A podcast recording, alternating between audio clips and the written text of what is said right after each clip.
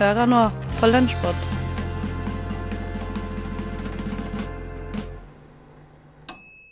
Velkommen til en ny episode av Lunsjpod! Mitt navn er Tage Rivas Tollefsen, og med meg som alltid så har jeg kjære Eline Hystad. Hallo! Hvordan, hva skjer da? Ja, jeg syns det var hyggelig å ha Lunsjpod igjen. Ja, det er lenge siden. Det er lenge siden sist. Jeg Ja. har blitt rammet av uh, sykdom, Ja. men uh, det kan skje den beste. Det kan det. Det har vært litt surt å sitte eller ligge inne i sommervarmen, men jeg har fått faktisk én dag på stranda foreløpig, så jeg klager ikke. Det er bra. Uh, I dag så blir det mye rart. Det blir mye hva kan man si, sommerlige ting. Uh, vi kan starte litt med noe som jeg syns er veldig sånn typisk sommer, som er festivaler. Hvor Ina fra Sorgenfri har eh, en sånn inn- anbefalingsinnslag hvor hun anbefaler ty ulike typer festivaler. festivaler. Det syns jeg er veldig passende.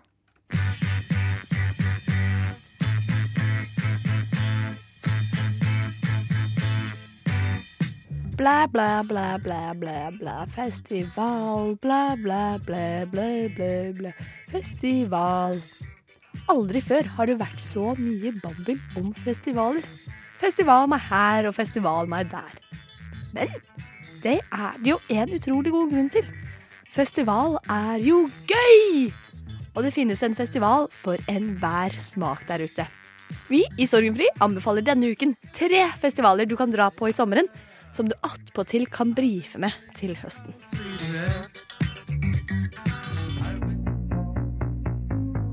De sier selv at de er Norges hyggeligste festival. Hva er vel bedre enn det? Vervenfestivalen holdes til på Karl Johansvern i Horten langs Oslofjorden. Med 180 grader sjøutsikt har festivalen fokus på norske liveartister innen sjangrene pop, rock og hiphop. Er du en av de som er glad i mye forskjellig musikk, og ikke kun én sjanger, kan dette være festivalen for deg. Med artister slik som Turboneger, Bernhoft, Klovner i kamp, Dagny, Valen Tourettes og mange flere. Festivalen avholdes fra den 15. til 16. juni, og billetter finnes på nettsiden deres vervenfestivalen.no.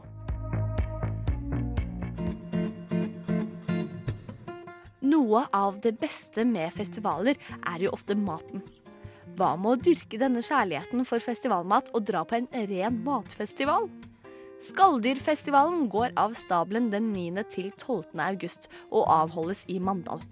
Hele Mandal sentrum omgjøres til stort festivalområde, og Bryggegata er fylt med restauranttelt, underholdning, matmarked, tivoli, VM i rekepilling og mye, mye mer.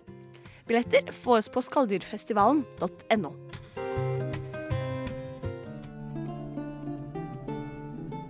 Er du av typen som heller vil la deg underholde og oppleve en annen tid? Har du egentlig lurt på hvordan Oslo så ut på 1300-tallet? Har du lyst til å vandre langs et gammelt marked og kose deg gløgg med tidenes gilde? Hva med middelalderfestivalen? Innta Oslo i året 1314. Riddere, formidlere, musikere, skuespillere og gjøglere gir deg et spennende eventyr midt i byen på Akershus festning. Festivalen er fra 25. til 27. mai, og billetter finner du på deres nettside oslomiddelalderfestival.org. Og Ina fra Sorgenfri. Hyggelig. Skal du på festival i sommer? Eh, jeg skal på Oslo Pix. Det er jo en slags festival. En filmfestival. Ja. Neste uke. Ikke middelalderfestival. Nei, jeg har uh, kjørt forbi med bussen og tenkt hm, det, vet, det der er ikke helt for meg å merke. det har du tenkt. Ja. Ja, men da sier vi det sånn. uh, ja. Eh, nå kan vi gå over til noe som jeg brenner veldig for, Eline.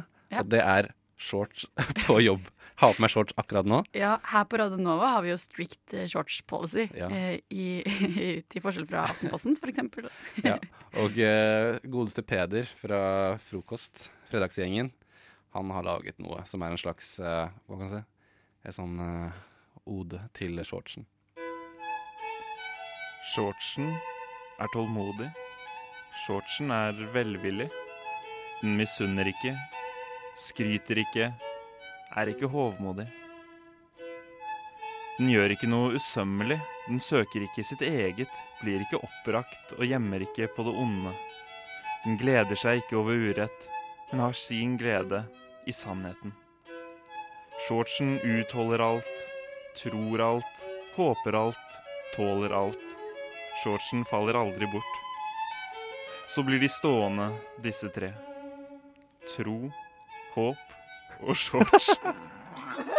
Men størst av dem er shortsen. Størst og minst, kanskje. Minst er shortsen. Den er minst. Kortbukse. Ja, eh, vi- skal snakke om Fine ord! Ja. Fant, fant på noe av det helt selv. Eh, vi skal snakke om uh, denne nordirlandske dansken uh, som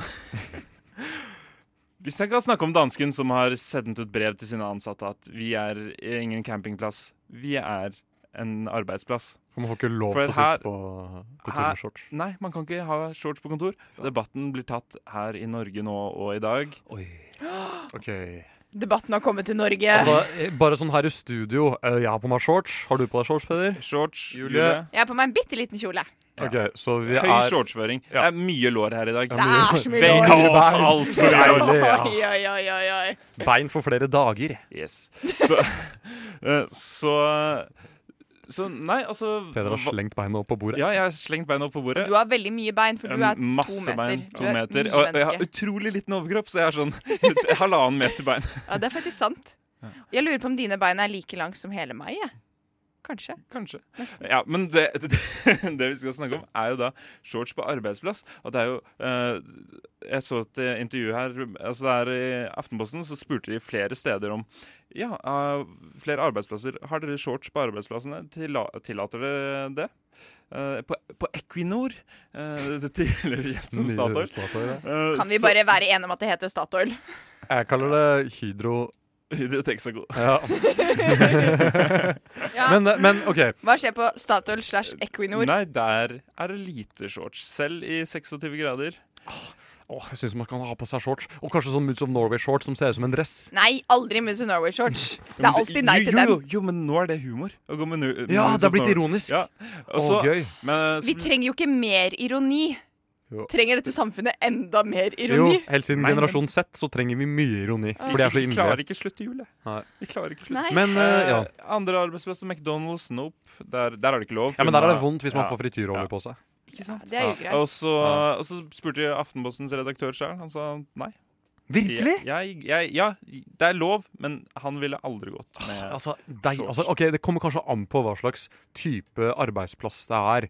Um, jeg ser for meg Hvis det er åpent kontorlandskap i en sånn liten, morsom bedrift, så er det greit. ikke sant? Mm. Men sitter man på shorts inne på hjørnekontoret på Equinor, da ser det kanskje litt rart ut, eller? Da ser man litt sånn tullete ut.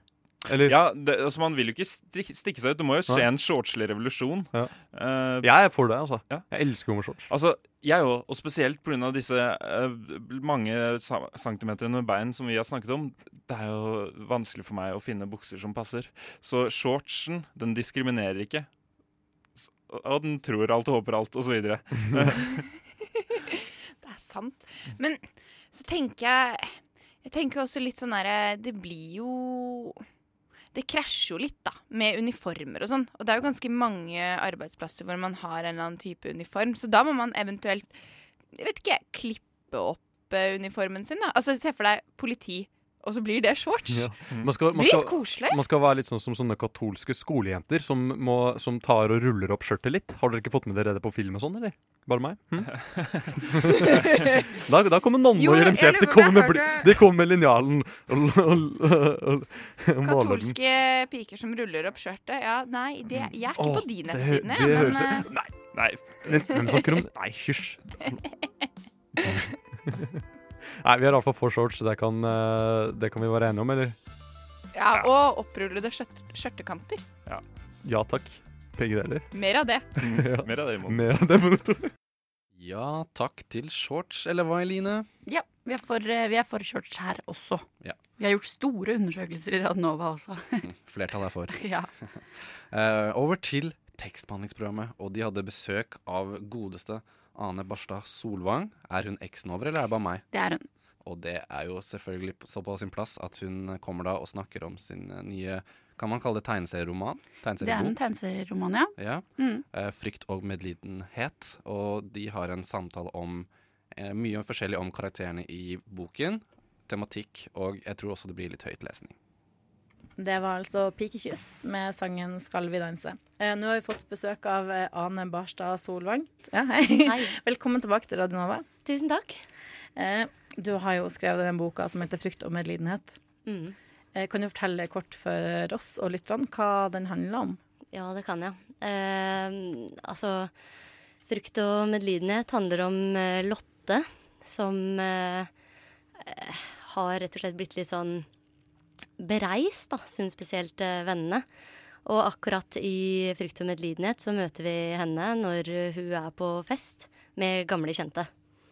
Eh, så boka Det er jo en metanarrativ, da, så det handler om en fest, men det handler også om tilbakeblikk eh, og sykdom og åssen man takler det med humor, da. Ja, Det her med å liksom komme tilbake, liksom hjemkomst og liksom møte gamle venner, ha vokst fra dem og sånn, det er egentlig ganske klassisk tema. Ja. Vil du si at historien er klassisk i seg sjøl? Uh, ja, kanskje den er det. Jeg har ikke tenkt på den som en klassisk historie, men eh, kanskje det er det. Hva sier du? Nei, altså, eh, altså, altså Som du er inne på, ikke sant? Altså, vi har jo denne rammefortellingen. Mm. Som er jo en, eh, en jente som kommer hjem til bygda.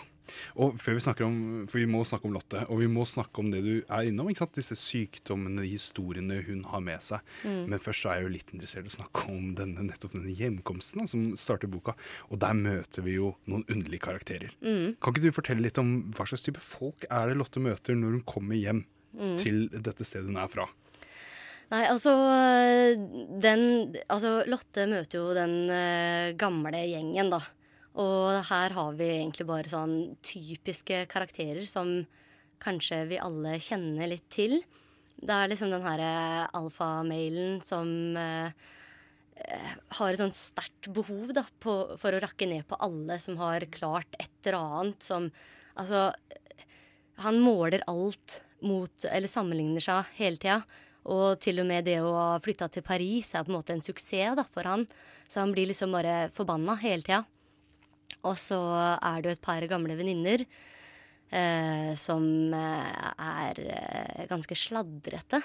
Og fellesnevneren er jo alkohol, ikke sant, som fungerer som et sånn sosialt glidemiddel. Hvor alt egentlig bare blir mer og mer intenst, da. Og vi har noen kjønnsroller her også, har vi ikke det? Det er, vi har noen kjønnsroller Ja, det er sterke kjønnsroller i Ja. boka, ja. som er veldig tydelige. Mm. På hvilken måte er det liksom Når jeg leste det, så tenker jeg spesielt på disse For jeg er jo fra Moss selv, Ja. som er en sånn liten by i Østfold. Og når jeg kommer hjem, så tenker jeg på de, de guttene og jentene som ble igjen, da. Mm. eh, Som ikke flyttet til Oslo for å studere, f.eks. Ja. De har noen rekke holdninger ved seg som jeg også føler speiles i boka. Og det ser vi spesielt i denne alfahannen da, som du snakker om. ja. Og disse kvinnene også. Kan ikke du fortelle litt mer om hva slags typer de er? Um, ja, det er jo eh, Jeg kan eh, fortelle en historie, kanskje, som kan speile det. Ja, enda bedre! Jeg snakka litt med søstera mi for litt siden, og hun fortalte om at hun var på vorspiel. Og før eh, alle jentene hadde sminka seg og pynta seg med kjoler, så satt alle liksom sånn breit, og det var veldig løs stemning. Og med en gang de fikk på seg sminka og de trange kjolene, så blei det veldig sånn De blei på en måte mindre, da. Pertentlige? Ja, altså de Vi snakker jo om noe som kalles for en sånn anorektisk logikk, da. At uh, unge jenter skal være mest mulig vellykka karrieremessig og sånn leve opp til et skjønnhetsideal samtidig som man skal være minst mulig fysisk. Og det er jo kanskje litt sånn derre Nei, jeg vil si at vi har det i Oslo så klart. Selv om det er en større by med flere Altså med diversitet. Men eh, den er jo opp, absolutt å finne på, på bygda også, da. Hvis man kan kalle Moss eller eh, Porsgrunn eller uh, Bodø for en bygd, liksom. Ja, dette utenfor Ring 3. ja, ja det, er jo, det er jo det man sier, kanskje. Ja. Da blir det bygda. Men uh, for å liksom dra litt mer inn i dette universet, så tenkte Mm. jeg at eh, du kanskje kunne lese litt fra boka for oss. Ja. Sende bæsj i posten i en konvolutt. Hva skal jeg sende ekskrementene i, ja? En kopp. Lese litt. På Google. Infertilitet. Da trenger jeg ikke prevensjon, da. Aldri barn. bæsje i en kopp. Denne skal til Oslo. Og til hvilken adresse? Men til hvilken adresse? Slottet. Krons, barn, syver, fuck. Alt dette i tillegg til herpes. Seks, seks, seks. Æsj, utlagt tarm. Jeg ville ikke tatt på deg med en pinne engang. Det var altså Ane Barstad Solvang med litt høyt opplesning fra den nye boka hennes 'Frykt og medlidenhet'. Høytopplesning fra tegneserieroman er jo ganske ekstrem sport på radio. Det syns jeg også. Tøft gjort. Tøft gjort. Um, over til studentnyhetene. Marius Stenberg, utegående reporter, som alltid. Han er flink på det, og han har snakket med selveste Kurt Rice. Er det så? Jeg, Ja. føler, jeg føler Kurt Rice fra rektor på Oslo Met. Ja. Han er en levende, et levende meme. Han er det, og han For- gjør sånn folkelige ting av og til, Ja. sånn som her, som han har tappa øl Ja, på Samfunnet Bislett. jeg syns det er veldig morsomt. Han er veldig morsomt. Kurt, eh, hvorfor har du plutselig blitt eh, bartender? Jo, jeg syns det er veldig artig å være på Samfunnet Bislett, og jeg syns det er viktig å prøve å, å være tilgjengelig som rektor for mine studenter. Så da, da syns jeg at dette er en fin måte å gjøre det på, henge litt med studentene og, og få slå til en prat med flere som kommer innom. Eh, har du erfaring med det fra før av? Eh, Jeg har erfaring i form av én tidligere vakt her på Samfunnet Bislett. Så hele to kvelder i livet mitt så har jeg stått vakt bak en bardisk. Så jeg er ikke veldig flink til det. Vi har f.eks. skrudd av kranene, så det er ikke noe tappøl her i kveld. Fordi sist jeg gjorde det, så ga jeg bort så masse øl at de tapte så masse penger at de liksom ikke tør å slippe meg, slippe meg til, til, det, til det der. Men eh, nei da, det går, det går veldig bra. Eh, fordi studentene er veldig tålmodige med meg. Ja, Onsdag så åpna dere et nytt eh, nasjonalt yrkesfaglig kompetansesenter på eh, universitetet. Hva i all verden eh, skal dette være for noe? Så, Altså, vi, vi driver med utdanning av yrkesfaglærere, så de som går ut i videregående skoler og, og underviser i yrkesfag. Og det er en mangel på ca. 1000 yrkesfaglærere i Norge, sånn at vi har en veldig stor jobb å gjøre. Det er faktisk sånn at dette er den største sånn utdanning i Norden, eh, og det er bare én som er større i hele Europa. Så vi føler at vi har et ansvar, og da må vi ikke bare utdanne våre studenter, men vi må forske på det som vi gjør, og vi må forske på hvordan det går med både våre lærere og deres studenter. Og vi må generere kunnskap som gjør de utdanningene bedre. Hvordan kommer studenter til å eh, merke dette her? De kommer til å merke det fordi de blir inkludert i veldig mange forskjellige typer forskningsprosjekter. Så det er et arbeid som gjøres f.eks. med, med kjønnsbalanse i i de miljøene. Det er veldig skjevt. Eh, en, avhengig av hva slags yrke det er, så er det enten sterk overvekt av jenter eller sterk overvekt av gutter. Eh, så det er noen prosjekter som går på det. Det er noen prosjekter som går på eh, realkompetanse, og hvordan det går med de som kommer inn på realkompetanse versus de som kommer inn med, med, med, med heter, studiekompetanse. Eh, og det er litt om forskjellige typer forskningsprosjekter knyttet til de utdanningene. Og studentene skal være med som, eh, som deltakere i de prosjektene, og det skal vi helt sikkert legge merke til. Den som ønsker å bli yrkesfaglærer, de har som oftest vært ute og, og hatt et yrke. ikke sant? Det er rørleggere som bestemmer seg for å bli lærer av fremtidige rørleggere. Og så en sånn lærer som bestemmer seg for å bli lærer av lærere av rørleggere. Og jeg syns det er veldig interessant at folk kommer inn i et universitet den veien. Men de gjør faktisk det, og de forsker, og de publiserer, og de får både førstekompetanse og til og med professorkompetanse. Eh, og det syns jeg er litt fascinerende, for det er så, så stor en endring eh, som de, som de eh, legger opp til når de velger den slags karrierevei. Ja, riktig. Og helt til sist, eh, kan jeg få en øl? Du, kan- du kan få en øl, men da må du si meg hva slags øl du skal ha, for jeg er faktisk ikke den som drikker øl. Eh, Jeg kan ta en bayer, jeg. Yes. Se der, ja. Tusen hjertelig. En bayer fra selveste Kurt Rice. Det er ikke hver dag. Det er ikke hver dag. Det var Mari Stenberg der fra Studentnyhetene. Og nå over til uh, klitoris. Fordi Et eget rom forrige uke hadde en uh, spesialepisode om klitoris. Og den har jeg hørt hele på. På hele. Veldig bra. Jeg Har du lært veldig- mye? Jeg lærte mye. Jeg syns det var interessant. Ekstra interessant etter å ha fått seg kjæreste, føler jeg. Ja, ja. Men sånn er generelt uh, interessant. Og der var det jo Hanna Rangård Michaelsen som hadde et veldig bra innslag. Veldig lærerikt og underholdende, holdt jeg på å si, om klitoris. Give me a C. Give me an L. Give me an I and T. What does that spell? Uh, the best thing ever.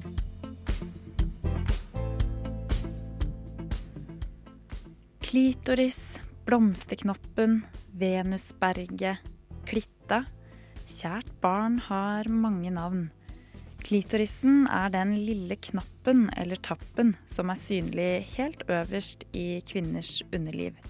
Men dette er bare toppen av isfjellet. Egentlig er klitoris mye større enn denne lille tappen. På innsiden strekker det seg et helt organ, faktisk på størrelse med en gjennomsnittlig penis.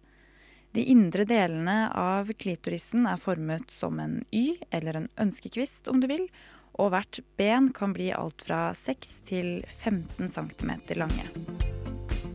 Klitorisknappen er egentlig det samme som glansen på en penis, eh, og har derfor fått samme navn. Glansen til kvinner kan også variere i størrelse, alt fra en halv til nesten fire centimeter. Det er flere likhetstrekk mellom klitoris og penis. Klitoris er også et svampelegeme. Den fylles opp med blod og svulmer opp når kvinner blir opphisset. For noen kan klitoris bli opptil dobbelt så stor.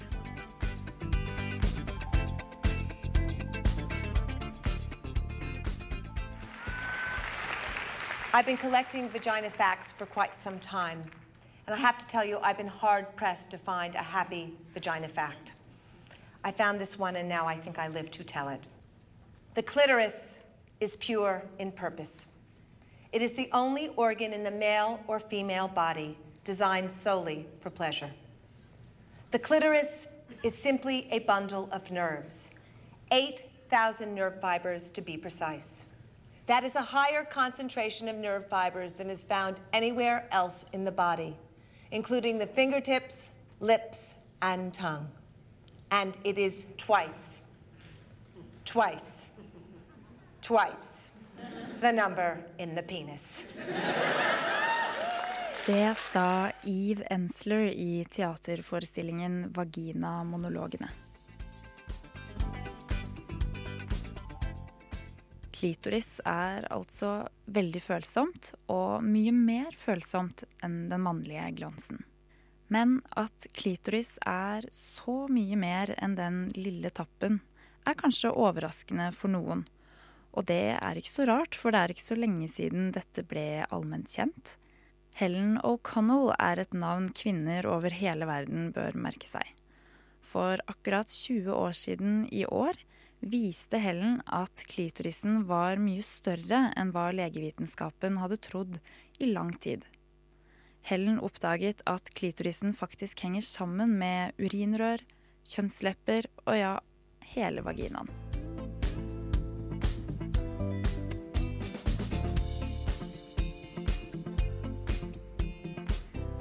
Teller egentlig størrelsen? Ja, det gjør det faktisk, i hvert fall ifølge noen forskere. Sammen med en gruppe forskere har gynekolog Susan Oakley funnet en sammenheng mellom størrelse på klitoris og evnen til å få orgasme. Kvinner som har store problemer med å få orgasme, har mindre klitorishode og mindre klitoris også på innsiden, mener de. Men dette kan være et høna eller egget-problem. Forskerne vet ikke om klitoris vokser som en følge av mange orgasmer. Med andre ord er det ikke sikkert at problemer med å få orgasme skyldes en liten klitoris. Kvinnehelse har vært lite forsket på opp gjennom tidene. Og det er altså fortsatt mye vi ikke vet om klitoris. Men én ting er det bred enighet om blant forskerne. Klitoris eksisterer kun for kvinners nytelse. Den har rett og slett ingen annen funksjon enn å gi kvinner orgasme. Yes. Det er eh, hva kan gledesknappen, er det ikke det man sier? oi, oi, oi. Vi kaller det det. Vi kaller det Sier det sånn. Vi sier det sånn. Uh, over til det siste. Det er noe som heter så mye som Var det gudene? Nei da, bare månen. Fra Sondre. Dagen har vært lang på slagmarken. Mederne hadde hatt solen i ryggen da angrepene startet i morges, men nå lå solen nedover, mot åsene mot vest. Men selv om dagen dro seg lang, var det fortsatt flere timer igjen av kampene. De harde linjene og rekkene med menn som strakk seg bortover slettene, var blitt løsere ettersom mennene ble mer og mer slitne. Selv om sommeren ikke helt hadde startet, var det allerede varmt. Hærførerne var vant med dette. Lyderne, som lå i åsene på motsatt side, hadde det samme problemet. Selv om de styrte mesteparten av Anatolia, var de nå helt i utkanten, ved bredden til Harliselven. Ingen av mennene husket hvordan denne krigen startet. I seks lange år hadde den vart, og mennene som sto skulder mot skulder og så mot mederne på andre siden, var knapt kjønnsmodne da den startet. Herodot forteller i sin første bok, her oversatt av Henning Mørland, en skare skytiske nomader hadde skilt lag med de andre og var kommet over på medisk område. Over mederne hersket på denne tiden Kyakseres, sønn av Fraortes, sønn av Deiokes. Skyterne dro stadig på jakt og pleiet alltid å ha noe å bytte med seg hjem. Men etter noen tids forløp hendte det en gang at de ikke hadde fått tak i noe. Da de nå vendte tomhendt tilbake, ble de utsatt for en beskjemmende behandling fra Kyakseres side. For han var åpenbart snar til vrede. Men en slik behandling ville ikke skyterne finne seg i, og de ble enige om å drepe en av guttene som ble oppfostret hos dem, og å tilberede han slik som de pleide å tilberede vilt, og så levere denne tilsynelatende stek til Kiaksares. Men selv ville de deretter begi seg hurtigst mulig til Sardes, til Aliattes. Og slik gikk det. Aliattes hersket over lyderne, og tenkte ikke å utlevere de skytiske jegerne til Kyakseres, hans ergeste fiende og nabo. Og så ble det krig. Vi vet ikke akkurat når den startet. Den hadde vart i fem-seks år, fra ca. 590 før Kristus. Men nå var det moderne tider.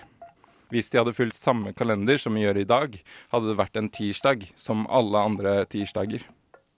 Kanskje hadde de til og med visst at det var skuddår eller at det snart gikk over i juni.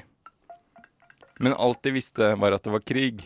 Den hadde vart lenge, og at om noen få timer, når solen gikk ned og kampene avtok for kvelden, da kunne de få slappet av litt igjen. Plutselig blir alt stille. Fuglene som har kvitret litt i bakgrunnen, holder tyst. Solen som steker mot skuldrene, avtar, og det blir nesten litt kaldt. Skyggene blir lange, og jaggu meg blir alt litt mørkere. Dagen har plutselig blitt til natt. Dette må være et tegn fra gudene. Det var ikke et tegn fra gudene, men bare en solformørkelse. I dag vet vi at det er månen som skygger akkurat foran solen. Dette skjer ganske ofte, men er lokalisert til et ganske spesifikt område, slik at man ikke opplever det så ofte hvis man blir på samme sted. På 1900-tallet hadde vi totalt fire solformørkelser i Norge, men etter 1954 kommer det ikke til å være en på Norges fastland på over 150 år. Vi kan regne oss fram til hvordan månen og sola har beveget seg gjennom årene, og derfor kan vi vite, knyttet til historiske nedtegninger om hva som skjedde i løpet av formørkelsene, når ting har skjedd. Og derfor kan vi vite at denne historien om mederne og lyderne, som etter å ha opplevd en solformørkelse på slagmarken, legger våpenet til side og lever videre i fred, skjedde den 28. mai 585 før Kristus. En av de tidligste hendelsene vi kan datere med sikkerhet. Radio Nova er best. Alle andre er tapere. Radio Nova. Mm.